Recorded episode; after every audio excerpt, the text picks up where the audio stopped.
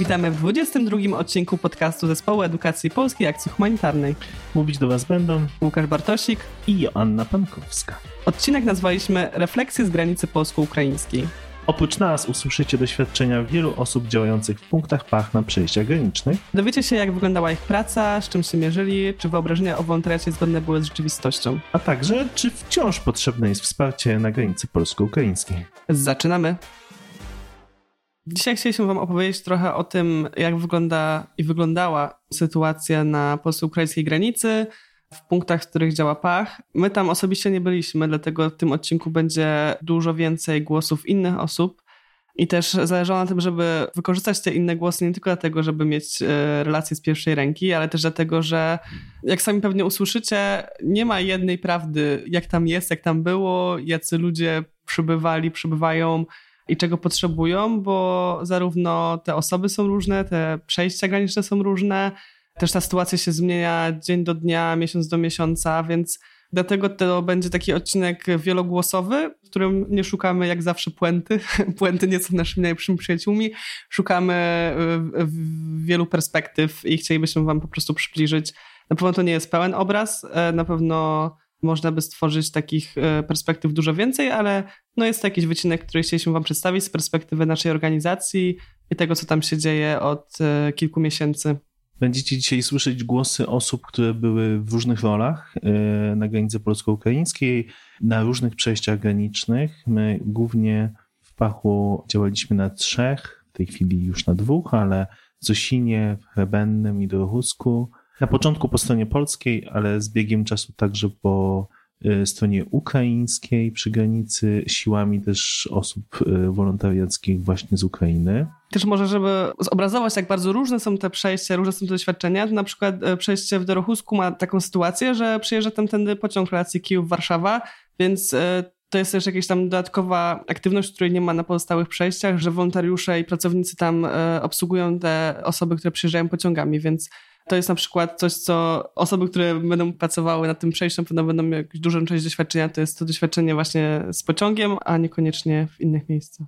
Pozostałe przejścia to raczej takie doświadczenia autobusów, które przyjeżdżają, szczególnie, no, może nie będę spoilerował, ale, ale będzie tam kilka takich fragmentów odwołujących się do tych sytuacji. Z punktu widzenia organizacji, z punktu widzenia tych kilku miesięcy, które za nami, to była i wciąż jest dla polskiej akcji humanitarnej wyjątkowa, e, nietypowa, nowa sytuacja, z której się dużo uczymy. To była sytuacja, w której, po pierwsze, która się wydarzyła dosyć e, intensywnie nagle, ale no do tego akurat jesteśmy jako organizacja humanitarna przyzwyczajeni. Jest to sytuacja e, blisko nas, jest to sytuacja na ogromnym zaangażowaniu ludzi, którzy samodzielnie też organizowali pomoc. Jest to sytuacja, która wymagała też y, bardzo szybkiej mobilizacji właśnie wolontariuszy i wolontariuszek, którzy będą nam pomagać. Polska Akcja Humanitarna głównie w Polsce ma wszystkie zespoły takie wspierające, pracujące w Polsce, a cały know-how największy know-how jest na naszych misjach w różnych częściach świata, więc to też jest próba zbudowania innej struktury organizacji, innego sposobu działania tutaj w Polsce. Odwołując się do samych wolontariuszy i wolontariuszek, to warto chyba też podkreślić, że wyjątkowość tej sytuacji sprawiła, że bardzo wielu ich potrzebowaliśmy i wciąż potrzebujemy na granicy, ale nie wysyłamy ich do Ukrainy. W Ukrainie mamy swoich pracowników, potrzebujemy ich więcej, ale są to zwykle lokalni pracownicy stamtąd. W Polsce potrzebujemy także pracowników, którzy będą wspierać nas w tych działaniach polsko-ukraińskich. Jeżeli to są osoby wyjeżdżające z Polski, no bo są to osoby przeszkolone, e, przeprowadzone przez różne procedury, no, nauczone tego, jak się zachowywać w sytuacjach e, niebezpiecznych, na pewno nie jest to jakiś taki zryw, e, gdzie wolontariusz wyjeżdża w, do terenu objętego konfliktem zbrojnym, więc tego na pewno nigdy nie będziemy robić, żeby wysyłać wolontariuszy w takie miejsca. I tak samo jak to się dotyczy tego, co mówiliśmy wcześniej, często o tym, że pomoc humanitarna nie polega na tym, żeby e, po prostu wolontariusze robili jakieś e, rzeczy, które są poza ich ekspertyzą. Tak i tu to wciąż jest aktualne, to znaczy w Polsce mamy teraz bardzo dużo rekrutacji otwartych do pracy zatrudniamy osoby na miejscu, wyjeżdżają osoby wyspecjalizowane. No ale granica to jest takie szczególne miejsce, gdzie potrzeba było bardzo dużo ludzi w bardzo krótkim czasie i też takiej, no dość w cudzysłowie prostej, no nie prostej emocjonalnie, nie prostej takiej w byciu tam, ale prostej fizycznie pracy, to znaczy głównie wydawania rzeczy, przekazywania bardzo prostych informacji i dlatego to było e, możliwe też e, do zorganizowania w taki sposób ale chcielibyśmy, żeby, żeby to nie, nie zmieniło waszego wyobrażenia o tym, jak wygląda e, sektor humanitarny, bo wciąż nie jest to oparte na wolontariuszach jako takie. Oparte jest na pracownikach, na, e, na szkoleniach, na coraz większej ekspertyzie. Nie wysyłamy wolontariuszy na nasze też pozostałe misje do Sudanu Południowego, Iraku czy w jakiekolwiek inne miejsca, w których e, być może coś niedobrego się zdarzy niedługo. I też e, część osób, które będziecie słyszeć dzisiaj, to część to będą rzeczywiście wolontariuszki i wolontariusze, a część to były osoby, które to są osoby, które były bądź są zatrudnione przy tych przejściach jako osoby koordynujące, więc to też jest e, różna, różny status, że tak powiem, tych osób. Oczywiście doświadczenia też bardzo różne, ale jakby chodzi mi o to, żeby podkreślić, że to nie, nie, nie wszystko było rękoma tylko wolontariuszy. Tak, i zaczniemy od y, takiej osoby, która wolontariuszem y, nie była, ale miała z nimi ogromny kontakt, ponieważ koordynowała ich pracę przez y, dłuższy czas. Ta wypowiedź Darka, którego za chwilę posłuchacie, jest też przede wszystkim podkreśleniem tego, że oprócz wolontariuszy, oprócz Pachu i oprócz wolontariuszy Pachu i pracowników Pachu, było tam i jest wciąż na granicy wiele różnych podmiotów, z którymi współpracujemy, i ta współpraca daje o wiele większą jakość pomocy niż działanie w pojedynkę. Zacznijmy od, y, od posłuchania Darka. Cześć, witam wszystkich. Nazywam się Dariusz Karwiński. Przez e, około 2,5 miesiąca miałem przyjemność, choć e, w trudnej sytuacji, w sytuacji kryzysu humanitarnego wywołanego konfliktem zbrojnym na Ukrainie, być koordynatorem punktu interwencji kryzysowej na przejściu granicznym w Chrebennym. Oczywiście nie byliśmy tam sami, współpracowaliśmy z wieloma miejscowymi instytucjami, podmiotami, generalnie organizacjami, koła gospodyń wiejskie, różnego rodzaju zrzeszenia, które przygotowywały posiłki, przygotowywały paczki, zabezpieczały miejsca noclegowe, pomagały w transporcie ludzi, pomagały w transporcie i, i przy opiece nad zwierzętami. Więc tak zwane pospolite ruszenie Polaków naprawdę pokazało wielką klasę i stanęło na wysokości zadania. Współpraca z tymi wszystkimi organizacjami układała się świetnie. To było coś, co nie miało barw politycznych i to, i to warto i należy podkreślać. Po pewnym czasie dołączyło do nas World Central Kitchen, które dodatkowo zapewniało i wydawało dla naszych gości z Ukrainy gorące posiłki. Dołączyli prowajderzy kart SIM telefonicznych. Każdy z e, przychodzących do nas gości czy przyjeżdżających, który tylko wyrażał taką chęć, był w takie karty zaopatrzony, zaopatrzony na okres jednego miesiąca.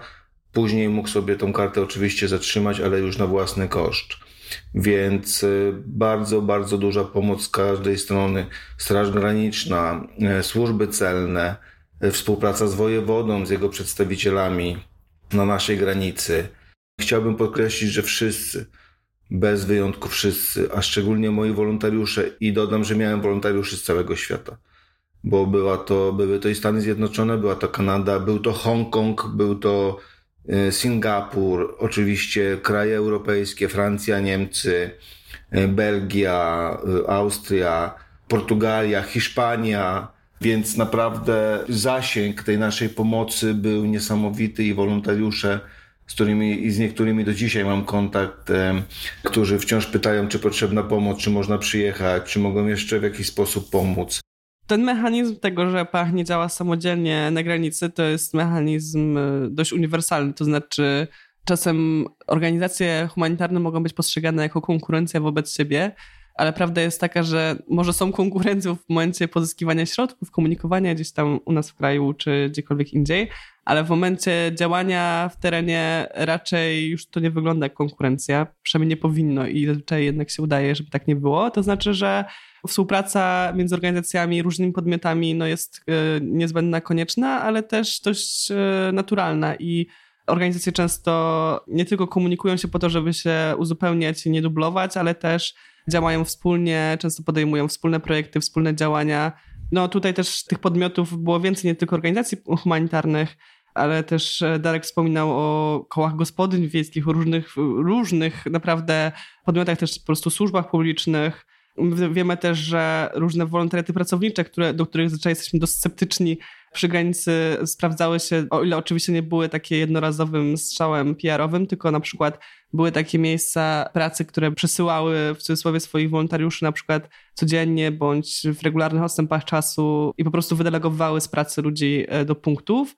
I takie działania są bardzo cenne. Tylko trzeba je właśnie rozróżnić między tymi takimi jednorazowymi, a takimi, gdzie coś, nie wiem, przyjdzie, pójdzie. I o tym jeszcze pewnie za chwilę będzie w innych wypowiedziach. Ale ta współpraca była na, no, na bardzo wielu polach. E, nie tylko właśnie z różnymi ludźmi, ale też z różnymi podmiotami i to było też konieczne, żeby to wszystko w ogóle zadziałało, szczególnie w tych pierwszych momentach z mojej perspektywy też to była e, bardzo ciekawa sytuacja, w której Darek też wspomina, że na granicy pojawiło się wielu wolontariuszy i wolontariuszek z zagranicy. Ja to poznałem trochę od innej strony, to znaczy od strony takich wiadomości, które do nas dochodziły, do biura albo telefonów, właśnie osób, które chcą rzucać wszystko i przyjeżdżać.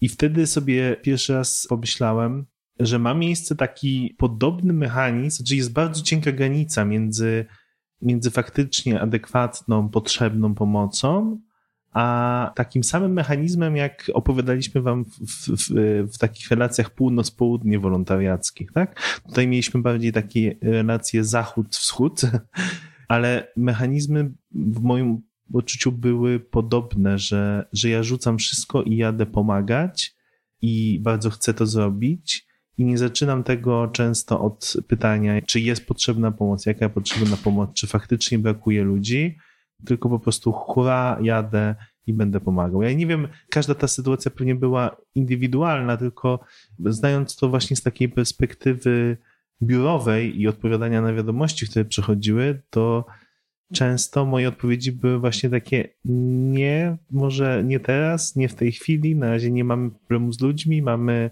bardziej kwestie koordynacji do ogarnięcia niż, niż tutaj. Im więcej tam będzie ludzi, tym, tym będzie większe zamieszanie. No i to też warto rozróżnić tutaj takie pojedyncze osoby, które przyjeżdżały na hura, które miały potrzebę po prostu bycia w centrum i o tym też będzie potem jeszcze Kalina mówić trochę, a organizacje, które z zagranicy przyjeżdżały, no bo to też na przykład, y, jeżeli przyjeżdża World Central Kitchen, to oczywiście jakby jest to cenne dlatego, że mają po pierwsze know-how, po drugie zasoby, żeby gotować w warunkach polowych właśnie w takich sytuacjach.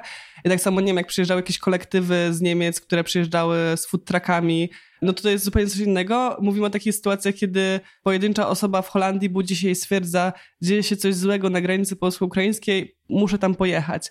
To co też myślę, wydaje, że warto sobie uzmysłowić w takich sytuacjach, to jest to, że o ile oczywiście do pewnego stopnia można zagospodarować te osoby nie mówiące po polsku, czy ukraińsku, czy rosyjsku na, na tej y, granicy. O ile jeżeli byśmy mieli proporcję tego y, zachwianą, no to tak naprawdę te osoby, jedną z głównych funkcji, które pełniły tam, to jest dostarczanie informacji, więc jeżeli ktoś nie mówi w języku polskim, nie zna polskiego systemu, nie wie jak działają polskie pociągi i nie wie jak działają karty SIM w Polsce, to duża część tego, co powinno się dziać na tych punktach e, granicznych, odpada, więc też pytanie, kiedy przestaje ta osoba być rzeczywiście pomocna, a zaczyna być dodatkowym obciążeniem logistycznym, żeby zagospodarować jej potrzeby i właśnie jakoś czas, żeby miała co robić. Pewnie jest też tam dużo rzeczy do zrobienia takich czysto fizycznie, żeby, nie wiem, przenieść, pomnieść, posegregować. No ale to na pewno te bariery językowe też są czymś, co, co warto wziąć pod uwagę, więc to też nie jest takie zero i oczywiście nie, nie chcemy krytykować wszystkich osób, które Darek bardzo dobrze wspomina i mm, które tam działały z nim, ale warto też wziąć pod uwagę, że to nie jest takie E, zawsze na hura ekstra. No ale teraz chyba dobra, dobry moment na to, żeby poznać trochę y, właśnie perspektywę wolontariusza. Chwilę zostawimy Was y, z Marcinem, który pomagał na naszym punkcie w Zosinie. Mam na imię Marcin i byłem wolontariuszem Polskiej Akcji Humanitarnej na przejściu granicznym w miejscowości Zosin. W marcu 2022 roku gdzie pomagaliśmy w przyjmowaniu uchodźców z Ukrainy. Moje zadanie polegało na tym, żeby bezpośrednio po przekroczeniu przejścia granicznego zaoferować e, uchodźcom kawę, herbatę, jakieś kanapki, smakołyki, pluszaki dla dzieci, czasami w nocy koce na dalszą podróż. To było takie miejsce, w którym uchodźcy po przekroczeniu granicy wsiadali do osobowych busów strażackich, żeby udać się do, do centrów dla uchodźców w różnych miastach. No i w związku z tym mieliśmy taki przywilej bycia pierwszymi albo prawie pierwszymi Polakami, którzy coś oferują, coś dają tym uchodźcom. I to był taki przywilej w moim odczuciu nieadekwatny do, do tego, co, co robiłem, bo to była bardzo skromna pomoc, e, natomiast no to my często jako pierwsi e, słyszeliśmy to ukraińskie dziakuju, te słowa adresowane do nas. To byli najczęściej uchodźcy spod Kijowa. To wynikało z moich takich podpytywań adresowanych do nich. Często chcieli tę kawę, herbatę od nas, czy potem już też zupy i czekoladki. Przygotowywaliśmy czekolady takie pitne na gorąco, które lubiły dzieci e, ukraińskie. No, trzeba przyznać, że te osoby nie wyglądały jak uchodźcy wojenni, jeśli to rozumieć tak, jak sobie nie wiem, zapamiętaliśmy z jakichś zdjęć pochodzących jeszcze z czasów II wojny światowej. To nie był tego typu stereotypowy obrazek. Wyglądali raczej jak po prostu zmęczeni turyści, którzy po prostu musieli spędzić długie godziny, nie wiem, na jakimś dworcu, czy coś takiego się stało, że, że byli szczególnie zmęczeni i mają dość podróży i chcą znaleźć nocleg. Widać było po prostu po nich te trudy podróży, a nie trudy wojny, bo oni znajdowali się wtedy w takiej sytuacji, gdzie musieli się zorientować, co dalej, gdzie się przesiąść i w takiej sytuacji no, nie myśli się raczej o tym, o tym dramacie, który ich przywiódł tutaj, tylko po prostu o tym, żeby się znaleźć w odpowiednim miejscu, w odpowiednim busie, pojechać w odpowiednim kierunku. No i jeśli mieli taki moment, że, że musieli trochę poczekać, no to myśmy e, ruszali z tymi propozycjami kawy, herbaty, przygotowywaliśmy te napoje. To był przekrój społeczeństwa. Ludzie sympatyczni, bardziej, mniej, czasami niesympatyczni, bogatsi, biedniejsi. Niektórzy chcieli wziąć od nas jak najwięcej, wręcz za dużo, zabrać ze sobą, a inni przychodzili bez słowa. Wiecie, po prostu ludzie, którzy raczej szukają informacji, przesiadają się i mają swoje określone cele. Więc ten temat wojny się nie pojawił, nie pojawiał najczęściej, ale to się zmieniało w momencie, kiedy oni musieli troszeczkę poczekać albo na dłuższy czas mm, znajdować się w jednym miejscu. Na przykład był taki przypadek, kiedy cały czas przy nas pewna kobieta czekała, aż przekroczy granicę jej mąż, który był Rosjaninem. I ona się bardzo bała tego, że on ze względu na to nie zostanie przepuszczony przez tę granicę i stała z nami, stała, e, no i siłą rzeczy zaczęliśmy rozmawiać, to właśnie wtedy, kiedy był ten czas, kiedy ona zaczęła trochę opowiadać, to wtedy e, pojawiały się, się łzy. Inny przypadek pamiętam, kiedy młoda dziewczyna e, siedziała w takim ogrzewanym namiocie, który tam też był obok e, naszego pachowego stoiska i uchodźcy zwykle stanowili jakieś takie grupki znające się rodzinne, a ona była osobno cały czas, odmawiała, nie chciała nic jeść, pić, po prostu siedziała sama przez dłuższy czas, zamyślona, wpatrzona w podłogę. Mm, myślę, że ona też y, przeżywała tę wojnę, bo po prostu w tym momencie miała na to czas żeby to przemyśleć, i wtedy oni przestawali być tymi turystami zmęczonymi i Widać było, że są uchodźcami. Mam takie poczucie, że bardzo niewiele tam zrobiłem na tej granicy, inni zrobili znacznie, znacznie więcej, ale potem jechałem samochodem i słuchałem radia. Usłyszałem tam, że pewna kobieta, która przekroczyła granicę jako uchodźca ukraińsko-polską, powiedziała, była informatyczką i powiedziała coś w rodzaju i wtedy przekroczyliśmy granicę i ktoś podszedł do nas i zaproponował kawę, herbatę, jacyś wolontariusze.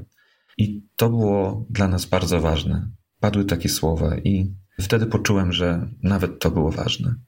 Z punktu widzenia opisu działań wolontariackich e, na granicy można powiedzieć, że to właśnie dystrybucja językiem e, pomocowym różnych rzeczy, takich bardzo podstawowych, jedzenia, kart SIM czy środków higienicznych.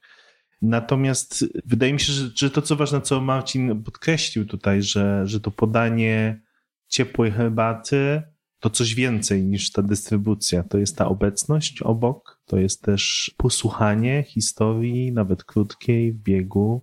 To jest możliwość zobaczenia tych emocji, bo jednak y, są oni w takim symbolicznym miejscu po przekroczeniu granicy, więc wydaje mi się, że to budzi sporo emocji. Więc y, trochę jest tu więcej z obecności niż z logistyki i dystrybucji, wydaje mi się, i że ta wrażliwość na ludzi, którzy przyjeżdżają, jest chyba jednym z, z głównych umiejętności, postaw, które są e, wymagane od osób, które chcą to robić po prostu. Tu wydaje mi się, że warto podkreślić to, że ten perspektywa Marcina jest z początków tej sytuacji i to, co opowiadał o tym, co obserwował jak wyglądali, jak zachowali się ci ludzie, na pewno jest specyfiką też tego okresu. To znaczy, ta pierwsza grupa, która przybyła gdzieś na początku, lutym, marcu, no to były osoby, które najczęściej, znaczy bardzo często przyjeżdżały własnymi transportami, z jakąś siecią kontaktów, też zdążyły uciec, zanim tak naprawdę zobaczyły okropieństwa, zanim zdążyły, nie wiem, przysiedzieć tygodnie w um, schronach. Więc e, to jest coś też ważnego do podkreślenia, że to nie zawsze tak wyglądało i że to się zmieniało z czasem, bo pamiętajmy, że w Polsce już przed lutym y, mieszkały 2 miliony osób z Ukrainy, w całej Europie, diaspora ukraińska jest diaspora, więc też pierwsze osoby, które ruszyły y, na granicę, no to były osoby, które wiedziały, że mają gdzie uciec, czyli mają jakieś kontakty albo znajomych znajomych i też mają zasoby, żeby to zrobić.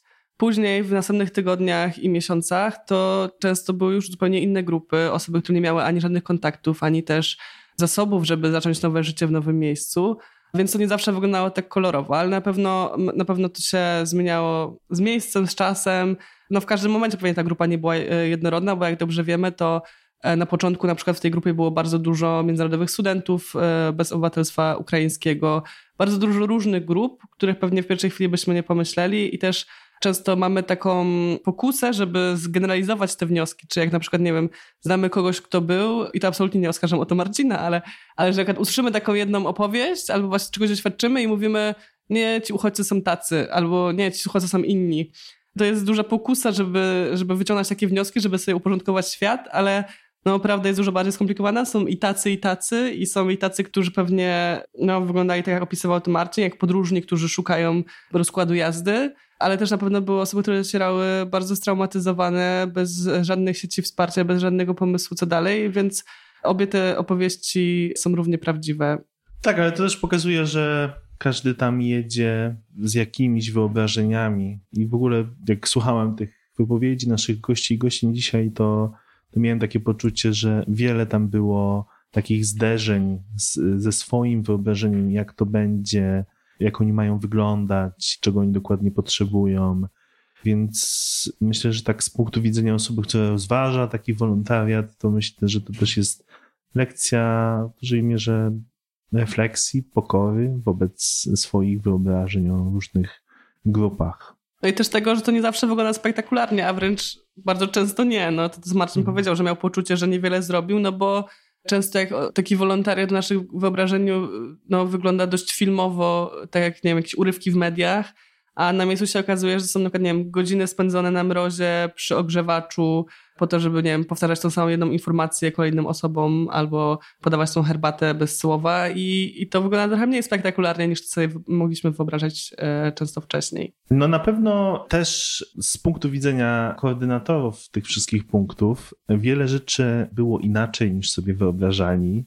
I właśnie o tym będzie kolejny fragment. E, naszym gościem jest Jan Wuczeluk, który właśnie e, był koordynatorem na jednym z naszych punktów i opowie o różnych sytuacjach, które się właśnie w jego pracy zdarzały.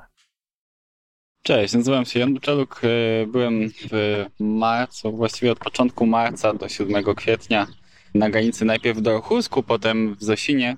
Byłem koordynatorem punktów interwencyjnych w tamtych miejscach. od początku właściwie samego tego chaosu, bo chyba tak to trzeba nazwać, chyba naj, naj, najtrudniejsze na samym początku było dealowanie z osobami, które przywoziły rzeczy do granicy i no tam było bardzo dużo po prostu niepotrzebnych rzeczy, było bardzo dużo chęci pomocy w ludziach, ale, ale jednocześnie no, tak naprawdę każdy sobie tą pomoc e, i to, co jest potrzebne, inaczej nazywał i inaczej dobijał to, co wydaje się e, w tym momencie najpotrzebniejsze. Oczywiście było bardzo dużo telefonów i to też było w jakiś sposób trudne, bo tak jak wspominam ten czas, to nawet idąc do toalety po prostu odbijałem telefon, bo zwyczajnie nie było na to innego czasu. I pamiętam jakiś taki e, moment, kiedy zobaczyłem, że ktoś przywiózł kuwetę dla kota i, i to już był jakiś taki mój limit, e, został wtedy osiągnięty. Miałem takie, naprawdę, czy ktoś uważa, że ktoś będzie potrzebował w tym momencie kuwety?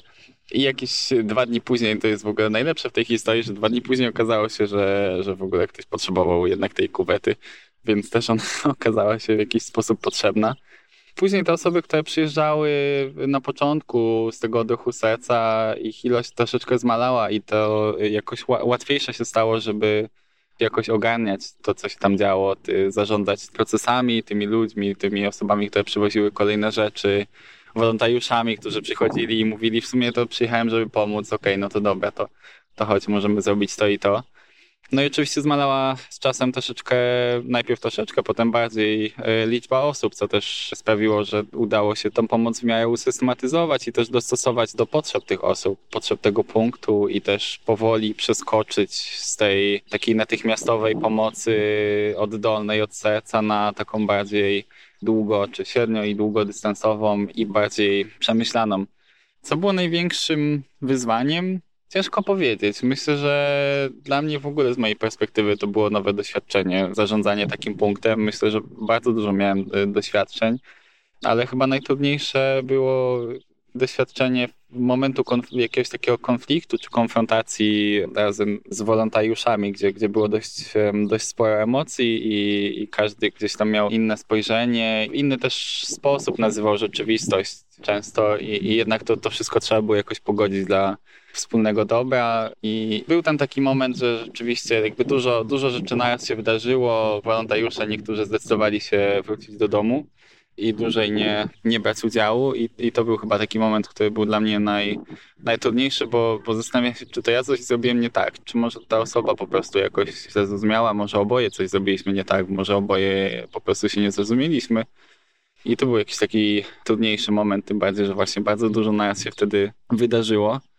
Ale na, na, końcu tego wszystkiego, jak patrzę z dzisiejszej perspektywy, to jestem niesamowicie dumny z tego, że udało nam się po prostu postawić ten punkt. Mimo tego, że to było po prostu robione często bez doświadczenia, z ludźmi, którzy przyjechali zewsząd właściwie, kompletnie niezwiązani z jakąkolwiek pomocą wcześniej, nigdy nie mając e, wcześniej takiego doświadczenia pomocy osobom, które uciekają przed wojną, nigdy nie miały z takimi osobami kontaktu po prostu przyjechały, żeby, żeby pomóc i udało nam się po prostu postawić punkt, który rzeczywiście wita te osoby. No mam takie poczucie, że w sytuacjach emergency, mówiąc slangiem sektorowym, no ten chaos na początku jest trochę nieunikniony, to znaczy no nikt nie jest przygotowany na taką ilość e, uchodźców w tak krótkim czasie, nieważne gdzie na świecie to się dzieje. I mimo, że bardzo wiele osób stanęło na wysokości zadania w różnych miejscach w Polsce, no to wciąż jakby te pierwsze dni były chaotyczne na pewno. Ale to też jest po pierwsze nieuniknione, co już powiedziałam, ale po drugie też na przykład y, jeśli chodzi o perspektywę pachu, wynika z tego, co trochę na początku mówił Łukasz, to znaczy, że ludzie oczekiwali, że Polska Akcja Humanitarna jest przygotowana na takie działania i rzeczywiście my jesteśmy przygotowani na takie działania w miejscach, w których działamy na co dzień, które nie są Polską, to znaczy e, nasi pracownicy i pracowniczki w krajach, gdzie prowadzimy stałe, stałe działania, rzeczywiście mają tą wiedzę, mają te umiejętności, żeby reagować na E, sytuacje nagłe, na katastrofy, na to, jak pomagać ludziom na przykład w obozach uchodźczych, ale osoby zatrudnione w Polsce dotychczas to były osoby takie jak na przykład, no nie wiem, my w naszym dziale edukacji nie mamy tych umiejętności pomocy humanitarnej stricte. Mamy oczywiście jakąś wiedzę teoretyczną, którą staramy się przekazywać, ale to nie jest tak, że można mnie wysłać e, jutro do takiego e, punktu, ja będę wiedziała, jak robić logistykę humanitarną. No i tak samo inne działy, które mamy w Polsce, działy jakieś księgowe, finansowe, komunikacyjne, pozyskiwania funduszy, no to nie, to nie są osoby, które mają umiejętności pracy humanitarnej w terenie, I to jest coś, co myślę, że warto podkreślić, dlatego żeby wytłumaczyć też, dlaczego te organizacje często nie są w pierwszym dniu, tylko też potrzebują się zorganizować i dlatego te pierwsze dni są często właśnie tym oddolnym zrywem, gdzie to właśnie często osoby w kryzysach pomagają innym osobom w kryzysach i osoby na miejscu. Dopiero później, w następnych dniach wkraczają organizacje, ale to one też często zostają po tym, gdy wszyscy inni już e, znikają. To znaczy, teraz już podejrzewam, że jest niewiele osób, które ze zrywu serca jedzie na granicę przypadkowy poniedziałek, e, no a my tam te punkty wciąż prowadzimy, będziemy prowadzić jeszcze jakiś czas, więc to też warto sobie uzmysłowić, że po prostu jest taka naturalna dynamika tego, jak to wygląda w takich sytuacjach. No i Jan opowiadał trochę o tym właśnie, jak te początki wyglądały, on sam uczestniczył też jako koordynator w tym, że było w tym dużo komunikacyjnego zamieszania, dużo telefonów, dużo się działo, dużo osób przyjeżdżało, ale właśnie też utrudniało pracę to, że ludzie przyjeżdżali, którzy niekoniecznie się kontaktowali, którzy niekoniecznie sprawdzali, którzy niekoniecznie wiedzieli, co potrzeba, tylko właśnie przyjeżdżali na hura. No i, i to jest. E, to jest ogromny problem. Też wiem, że często ludzie mieli taką frustrację, że na przykład nie wypełniali nasze zgłoszenia na wolontariat, nie dostawali odpowiedzi w tej samej sekundzie, no ale tych zgłoszeń było ogromnie, więc też nasze działy kadrowe musiały przechodzić przez bardzo dużą liczbę aplikacji, komunikować się z tymi osobami. To nie działa tak, że dzisiaj wypełnię ankietę i tu tam będę. Znaczy pewnie niektórym osobom tak to zadziałało, ale to wszystko ma bardzo wiele czynników i też nie ma co się na to obrażać. O tych oczekiwaniach e, wolontariuszy tutaj już trochę było, będziemy to jeszcze mówić w kolejnych wypowiedziach. To jest jedna z najtrudniejszych chyba elementów tego, że poza tym, że są potrzeby osób, którym pomagamy i one powinny być na pierwszym miejscu, to czasami pojawiają się takie osoby, czy właśnie wolontariusze, czy pracownicy, którzy swoimi potrzebami, emocjami potrafią bardzo utrudnić tą pracę. Nie chodzi mi o to, żeby negować to, że te osoby też mają podmiotowość i potrzeby, ale jeżeli ktoś przyjeżdża na granicę dlatego, że bardzo chce być w ogniu po prostu najgorętszych działań i potem to przysłania inne priorytety, no to na pewno mamy tutaj coś e, na głowie postawione. I jako fan kotów nie mogę przejść obojętnie wobec historii o kuweci dla kotów. I oczywiście znamy chyba wszyscy wiele tych historii o zwierzętach, które były razem z, i są razem z osobami, które przekraczają granice. Natomiast ważny jest ten kontekst, że w tym momencie, kiedy te osoby przekraczają granicę, raczej potrzebują czegoś innego, potrzebują zapewnienia podstawowych potrzeb. Więc stąd ta nieadekwatność tej kuwety. Natomiast oprócz kotów było tam oczywiście wiele innych zwierząt. I tak się zdarzyło, że na jednym z naszych punktów mieliśmy wolontariuszkę, specjalistkę od e, zwierząt, a szczególnie od psów, więc chcielibyśmy Was teraz zostawić na chwilę z Sabiną, która opowie Wam o tym doświadczeniu wolontariackim, ale z perspektywy czteronożnych zwykle gości z Ukrainy. Cześć, nazywam się Sabina Złotorowicz. Jestem zoopsycholożką. Na co dzień pracuję z psami. Z racji mojej pasji i zawodu zwracałam również uwagę na zwierzęta, jakie towarzyszyły tym rodzinom. Było ich bardzo, bardzo dużo, dużo, dużo psów i kotów, czasem również świnki, morskie chomiki. Nawet miałam okazję poznać papugę, która była chowana za pazuchą. Psy były niesamowicie dzielne, cudownie wspierane przez swoich właścicieli, na ile oczywiście sytuacja na to pozwalała. Natomiast y, były dzielne, trzymały się bardzo blisko swoich przewodników, swoich rodzin. Było widać, jak bardzo na nich polegają. Tak samo obserwowałam różne ruchy osób prywatnych, fundacji, organizacji, które wspierały transfer psów z Ukrainy do Polski, psów i również innych zwierząt. Byłam i wciąż jestem pod niesamowitym wrażeniem tak zorganizowanych y, sił solidarności i pomocy. Będąc tam na miejscu, zależało mi również na tym, żeby móc jak najlepiej, rzetelnie, dokładnie, dosłownie udokumentować e, sytuację na przejściu granicznym. Robiłam zdjęcia i prowadziłam również e, rozmowy z osobami, które fotografowałam, żeby poznać ich historię, poznać ich e, emocje, przeżycia, plany, wizje jutra, po to, aby móc to zebrać, udokumentować by został ślad tego trudnego ludzkiego doświadczenia. Aby to był ślad y, rzetelny i jak najbardziej jest to możliwe, prawdziwy, oddający w rzeczywistości to, co się wydarza i z czym ludzie się zmagają, po to też, żeby móc przybliżyć e, sytuację osób, które przekraczają e, granice i szukają swojego nowego domu, aby tak samo też przybliżyć zaangażowanie i motywację innych osób, które postanawiają swój wolny czas poświęcić na pomoc w punkcie granicznym na przejściu. Bez wątpienia ta część mojej pracy była najbardziej kosztowna emocjonalnie. Te rozmowy, poznawanie i wchodzenie w, w czyjeś często niełatwe życie. Twarze i historie niektórych osób pozostały ze mną do dziś. Myślę, że w jakiś sposób miały na mnie wpływ i jeszcze długo, długo będą mi towarzyszyły. Myślę, że przykład e, Sabiny pokazuje bardzo dobrze, jak można wykorzystać jakieś swoje umiejętności do wolontariatu i zobaczyć, jakie mamy zasoby, żeby e, jak najlepiej też po prostu się przydać. No i Sabina poza tym, że robiła to, co wszyscy inni wolontariusze, no to miała też umiejętności po to, żeby szczególnie zwrócić uwagę na uchodźców zwierzęcych. I to też myślę, że można było właśnie zaobserwować bardzo wielu takich e, oddolnych inicjatywach, że tych najbardziej udanych myślę, że to były osoby, które nie zastanawiały się, co będzie najbardziej spektakularne, tylko brały to, co, w czym są dobre, w czym się zajmują na co dzień i w jaki sposób to może być przydatne w tej sytuacji. No i, i, druga część e, tej wypowiedzi Sabiny o dokumentowaniu, to też myślę, że jest coś takiego bardzo ważnego do zwrócenia uwagi, że czasem są takie rzeczy, które ponownie to pewnie nie jest tak spektakularne, żeby po prostu dokumentować e, historię pojedynczych osób, robić im zdjęcia, pytać ich o, o ich historię, ale myślę, że tak długoterminowo to jest też bardzo ważna część takiej działalności, żebyśmy też w ogóle mieli jakiś ślad tego, co się dzieje i żebyśmy mogli też przekazywać innym na przykład E, niektóre z materiałów Sabiny wylądowały w mediach społecznościowych Pach i po to właśnie, żeby opowiedzieć, komu pomagamy, co się dzieje, e, pokazać jakieś ludzkie historie, ludzkie twarze osób uchodźczych. Więc Sabina miała i umiejętności, i sprzęt, żeby to zrobić i, i wykorzystała to do tego, żeby, żeby ten wolontariat też był z jakimś szczególnym wykorzystaniem jej zasobów. No ale na pewno wiele osób, które nas słuchają i w ogóle wiele osób wtedy zastanawiało się nad tym, czy zaangażować się w wolontariat, czy nie, czy rzucić wszystko, jechać na granicę itp.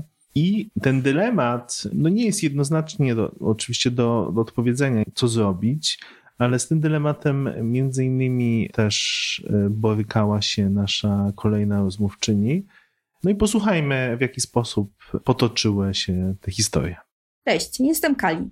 Na granicę polsko-ukraińską pojechałam z polską akcją humanitarną niecały tydzień po oficjalnym rozpoczęciu działań wojennych w Ukrainie. Niby to było tylko kilka dni po, ale wtedy wszystko działo się mega dynamicznie i każdy dzień zmieniał sytuację całkowicie. Wojna wybuchła w czwartek, a już w piątek grupa moich znajomych pojechała z Warszawy kordonem kilku samochodów osobowych, żeby pomóc w transporcie w głąb Polski osobom przekraczającym granicę pieszo. Między nami przeszło mi przez głowę, że oni robią super dobre rzeczy, że pomagają, e, a ja siedzę bezsilnie w Warszawie i w ogóle to wariuję od braku działania. I to chyba było powszechne odczucie, bo od samego początku czuć było ogromną mobilizację społeczną. Mnóstwo chęci pomocy, ale też mnóstwo dezinformacji. Jedni mówią, że trzeba pomagać, że brakuje jedzenia, że trzeba wieść środki opatrunkowe, inni, że to tylko przeszkadzanie, że przejścia graniczne toną w pampersach, a przyjeżdżający ludzie tylko generują korki. Pomaganie, czy przeszkadzanie, czy jechać, czy oszczędzać zapał na potem. Ja szczerze mówiąc, sama strasznie męczyłam się nad tymi pytaniami i w końcu media apelujące o rozsądek i niejechanie na ślepo mnie przekonały. I muszę powiedzieć, że kapelusze z głów dla mediów za tę akcję uświadamiającą. I rzeczywiście koordynator punktów do Rochusku, który na granicy pojawił się kilka dni przede mną, Opowiadał, że jeszcze czasem bardziej niż koordynacją działań musiał zajmować się rozżalonymi osobami z Polski, które za nic nie chciały zaakceptować, że akurat nie mogą nikogo przewieźć i zaspokoić swojej potrzeby pomagania, bo akurat wszystkie osoby z Ukrainy jadą autokarami bezpośrednio z przejścia granicznego, na które zresztą osoby cywilne nie mają wstępu. A ja już takich sytuacji nie zaobserwowałam i myślę, że media miały w tym swój udział. Tak na marginesie, jeszcze jedna tylko kampania o tym, żeby nie zwozić na granicy starych ciuchów, szpilek i kostiumów kąpielowych i moja wdzięczność do mediów będzie już dozgonna. E, ja się w końcu na granicy też znalazłam. Miałam współzakładać i koordynować punkt interwencyjny przy przejściu w medyce, do czego w końcu nie doszło, bo po prostu nie było takiej potrzeby. Ale to, co mnie tam zaskoczyło, to jak dużo najróżniejszych food trucków z zagranicy i z całej Polski już tam było gorąca pizza wypiekana na bieżąco przez osoby z kolektywu z Niemiec, ekipa Hindusów serwująca pyszne wegańskie posiłki, wspólnota religijna z Dolnego Śląska, która przyjechała do Medyki na przedłużony weekend z własnym agregatem, z warnikami, busem wypełnionym przekąskami. Wszystko to było bardzo chaotyczne i sporo osób denerwowało się, że powstał jarmark bez ładu i składu. I ja się mocno podpisuję pod tymi negatywnymi komentarzami, które dotyczyły starych ubrań i butów z darami, które rzeczywiście tworzyły strasznie posępny widok i nie bardzo były pomocne. Ale oprócz tego widzę wiele dobrego w tym oddolnym, lekko chaotycznym działaniu. Ani Polska, ani Ukraina nie słyną z wielkiej otwartości na inność. I myślę, że ta atmosfera wielokulturowego wsparcia od konkretnych osób, a nie od instytucji, i wspólne działanie ponad kulturami i ponad językami nabrały tam dodatkowego znaczenia. I co tu dużo mówić? Organizacje potrzebują czasu na rozruch, a wsparcie jest potrzebne już od pierwszych godzin. I tak na przykład na przejściu w Dorochusku, to dzięki spontanicznej decyzji pani Edyty z Hełma, żeby przyjechać z kanapkami i garnkiem zupy, rozpoczęła się świetna współpraca między lokalną społecznością i Strażą Graniczną, która przyniosła mnóstwo dobrego przez wiele kolejnych tygodni. Więc y, trochę wracając do pytania, czy pomaganie, czy przeszkadzanie, czy jechać, czy nie, no nie ma jednoznacznej odpowiedzi. I wiele zależy od kontekstu, trochę też od tego, z jak daleka jedziesz. Cała ta sytuacja oczywiście nie była tylko wszelkimi gestami pomagania, ale była też w dużej mierze refleksją nad pomaganiem, lekcją pomagania. Z naszej perspektywy takiej edukacyjnej, bo tym się zajmujemy, oczywiście spowodowała wiele możliwości edukowania. Kali powiedziała tam o, o tej roli mediów w tych kluczowych momentach. Wiele osób szukało informacji, do nas wiele osób się zgłaszało o takie pigułki informacji, różne wsparcie w tych procesach e, zrozumienia, czym jest pomoc, czym jest tak zwana mądra pomoc. No, my z satysfakcją to przyjmowaliśmy, bo, bo to też jest tak, że przez lata się tym zajmowaliśmy. No i musieliśmy włożyć dużo wysiłku, żeby przekonywać do tego, aby mówić o pomocy humanitarnej a nie tylko takiej lokalnej pomocy. A tu nagle ona stała się centrum w ogóle myślenia o pomocy. Więc yy, z dużą radością też przyjmowaliśmy różne propozycje współpracy. Natomiast no, nie bez powodu to poruszamy tutaj, bo oprócz samego gestu pomagania yy, widać tą rolę. We wcześniejszej wypowiedzi u Sabiny był, był ten element pokazywania, co tam się dzieje, Tutaj jeszcze uzupełniony o takiego element edukowania. Zastanówcie się, nie jedźcie na hura. Jest o wiele większe wyzwanie z koordynacją tej pomocy niż potrzeba, więc to wydaje mi się, że pod tym względem to było też ciekawe doświadczenie, jak media z różnymi aktorami, no głównie z organizacji pozarządowych, współpracowały i po prostu edukowały na bieżąco, na żywo, adekwatnie do aktualnych potrzeb. Na pewno ukazuje, jak, jak ważną rolę media pełnią, bo to nie tylko kwestia tego, żeby edukować jak, ale w ogóle też tutaj nie dało się nie zainteresować, no bo to się działo u nas, ale też bardzo często jak się dzieją jakieś kryzysy humanitarne, no to uwaga mediów to jest to, co powoduje, że my się tym zainteresujemy bądź nie. Ale chciałam też zwrócić uwagę na to, że Kalina poruszyła nasz ulubiony temat, nasz e, po prostu temat nad tematy, czyli paczki z pomocą i zwożenie rzeczy. Serdecznie polecam odcinek, jeden z pierwszych odcinków podcastu, który jest poświęcony w ogóle całej paczkom z pomocą. Mm, no a tu tylko w dwóch słowach przypomnę, że używane ubrania to najczęściej nie jest ta pierwsza potrzeba. Znaczy, oczywiście tak, osoby mogę, mogą potrzebować ubrań, ale dużo bardziej prawdopodobne jest to, że będąc przejazdem na granicy, nie będą chciały nagle wybierać sobie nowej szafy i dobierać do siebie większego bagażu, tylko będą chciały dojechać do jakiegoś miejsca, przynajmniej chwilowo docelowego, w którym będą mogły e, na przykład zastanowić się, czego potrzebują i wtedy być może pójść do jakiegoś punktu, gdzie można jakieś ubrania dostać, ale na pewno nie jest to pierwsza potrzeba na granicy, a tych ubrań na granicę, jak zawsze w takich kryzysach, pojechało ogrom, ogrom, ogrom, ogrom.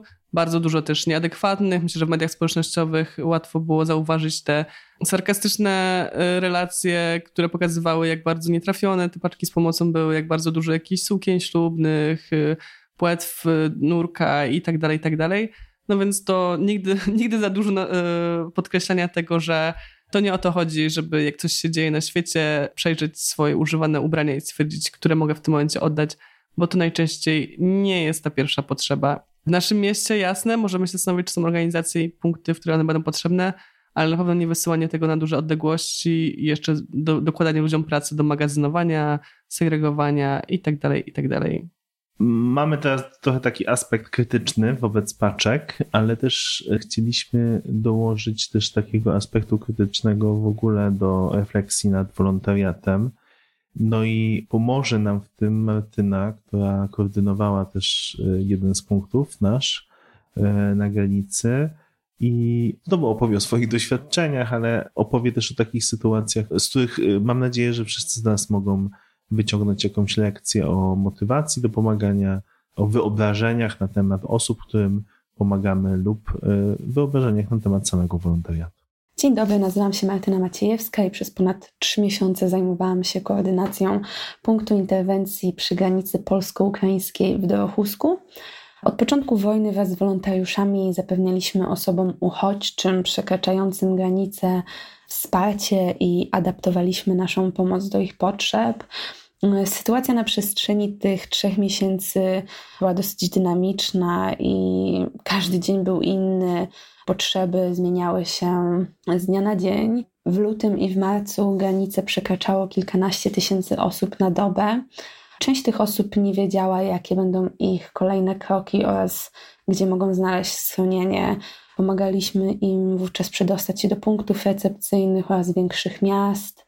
A dla tych, którzy mieli w Polsce lub w Europie rodzinę lub przyjaciół, zapewniliśmy bezpieczne, ciepłe miejsce, gdzie mogli poczekać na swoich bliskich, którzy często przyjeżdżali do Dorochuska z drugiego końca Polski, a nawet Europy. Sytuacja zmieniła się w kwietniu, kiedy ruch zdecydowanie się zmniejszył, a jednak osoby, które wówczas przekraczały granice, faktycznie doświadczyły już tej wojny i niekiedy spędziły bardzo dużo czasu w schronach, zanim w ogóle odważyły się przyjechać do Polski. Zdarzało się, e, że dzielili się oni z nami swoimi historiami, tym co przeżyli. Byli niesamowicie wdzięczni za to, jakie wsparcie otrzymali. Wolontariusze, którzy przyjeżdżali do nas w maju, gdy ruch, e, ruch uchodźczy był już mniejszy, często byli zawiedzieni tym, co zostali na miejscu. Wiele osób zauważyłam, że ma bardzo szczegółowe wyobrażenie o tym, jak powinien wyglądać uchodźca, i często zapominają oni o tym, że niektórzy z tych osób przed wybuchem wojny mieli własne firmy, ciężko pracowali na to, żeby żyć na określonym poziomie, ale wojna to zmieniła. I takie osoby również, mimo tego, że miały na sobie markowe ubrania i przyjeżdżały markowymi samochodami, również potrzebowały naszej pomocy i naszego wsparcia. E, spotkaliśmy się z wieloma negatywnymi komentarzami wolontariuszy, na przykład, że nic tu się nie dzieje, że niepotrzebnie brałem lub brałam urlop. Staraliśmy się tłumaczyć i też często opowiadaliśmy o tym, jak to wyglądało na początku wojny, jakie ciężkie dni i noce na mrozie spędziliśmy na początku, gdzie co 30 minut przyjeżdżał autobus, z którego wysiadało około 100 zagubionych, wystraszonych, głodnych osób, które nie wiedziały, gdzie się dalej udać. Bardzo staraliśmy się jak najszybciej przedostać ich do punktów recepcyjnych, gdzie mogli oni otrzymać miejsce noclegowe, ciepły posiłek. Też nasza capacity na granicy była dosyć ograniczona, tak nie byliśmy w stanie zabezpieczyć tylu osób w taki sposób, jaki byśmy chcieli. Tam mieliśmy dwa ogrzewane pomieszczenia, dużo kocy, takie podgrzewacze stojące na zewnątrz, również robiliśmy ognisko, e, jednak przy takiej ilości uchodźców no nie byliśmy w stanie im zapewnić tego, co byśmy chcieli, więc e, w pewnym momencie punkty recepcyjne były przypełnione i nie przyjmowali już więcej osób. No, sytuacja na samym początku była bardzo ciężka i też wielu wolontariuszy, którzy przyjeżdżali pomóc nam w maju, nie zdawali sobie z tego sprawy i ciężko było nam im wytłumaczyć, że fakt, iż na ten moment granicy nie przekracza tyle osób, ile przekraczało wcześniej, to wcale nie jest złe i nie powinniśmy być z tego powodu źli, sfrustrowani czy też smutni. I nawet jeżeli jesteśmy w stanie udzielić pomocy tym kilkudziesięciu osobom na dzień, to i tak dla tych osób y, jest to ogromnie ważne i ogromnie wartościowe. Więc mimo tego, że ruch uchodźczy był zdecydowanie mniejszy, uważam, że nasze wsparcie dalej ma ogromne znaczenie i osoby, które obecnie przyjeżdżają do Polski, potrzebują go jeszcze bardziej niż osoby, które przyjeżdżały na początku.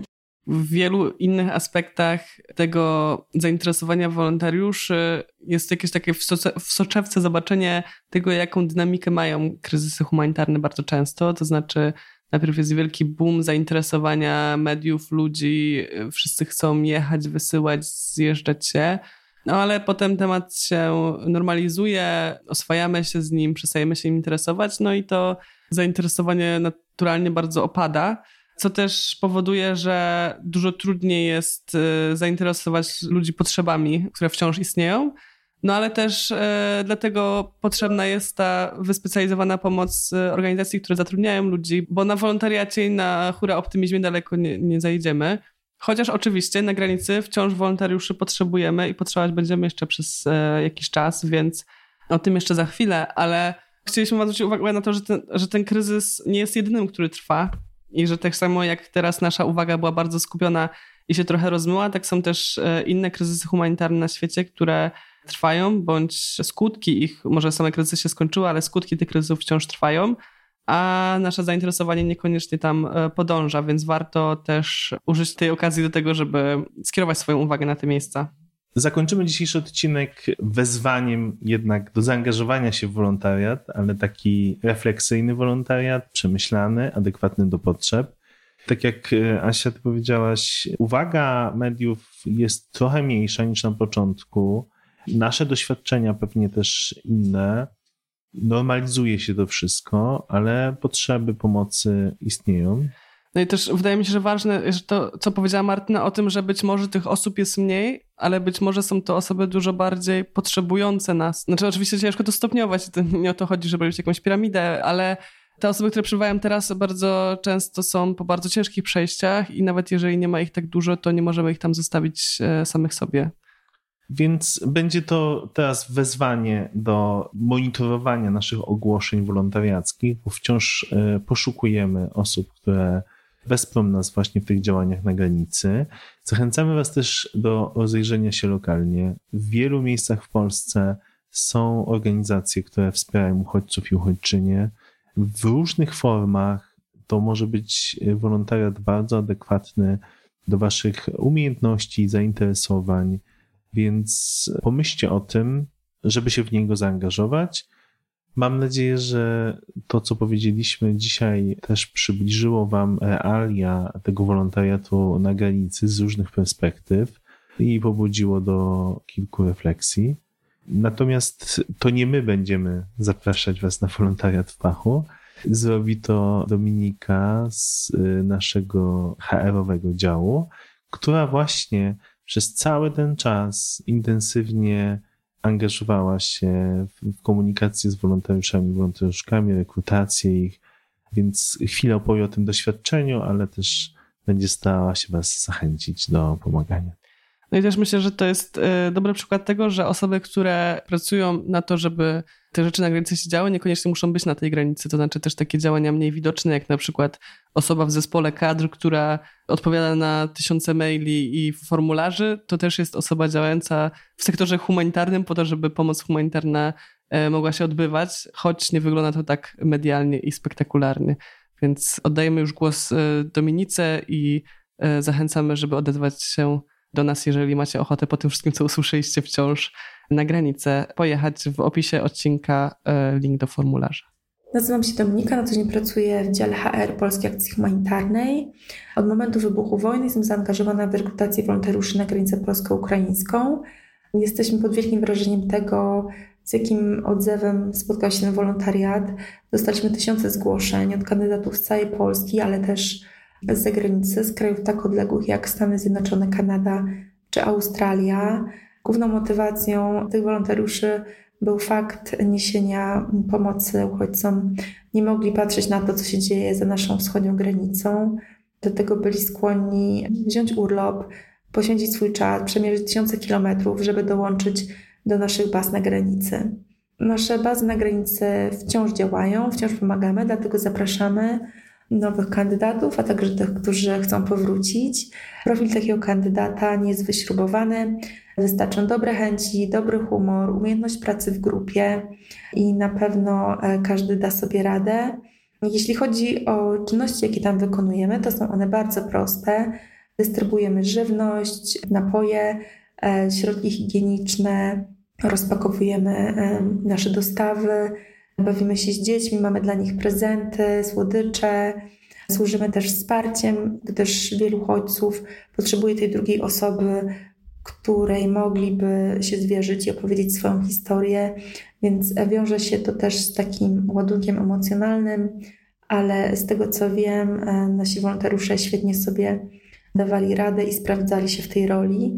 Dziękujemy jeszcze raz wszystkim tym, którzy się zaangażowali i e, mam nadzieję, że w okresie wakacyjnym też będą napływać e, zgłoszenia, gdyż na ten moment będziemy na pewno obecni do połowy lipca.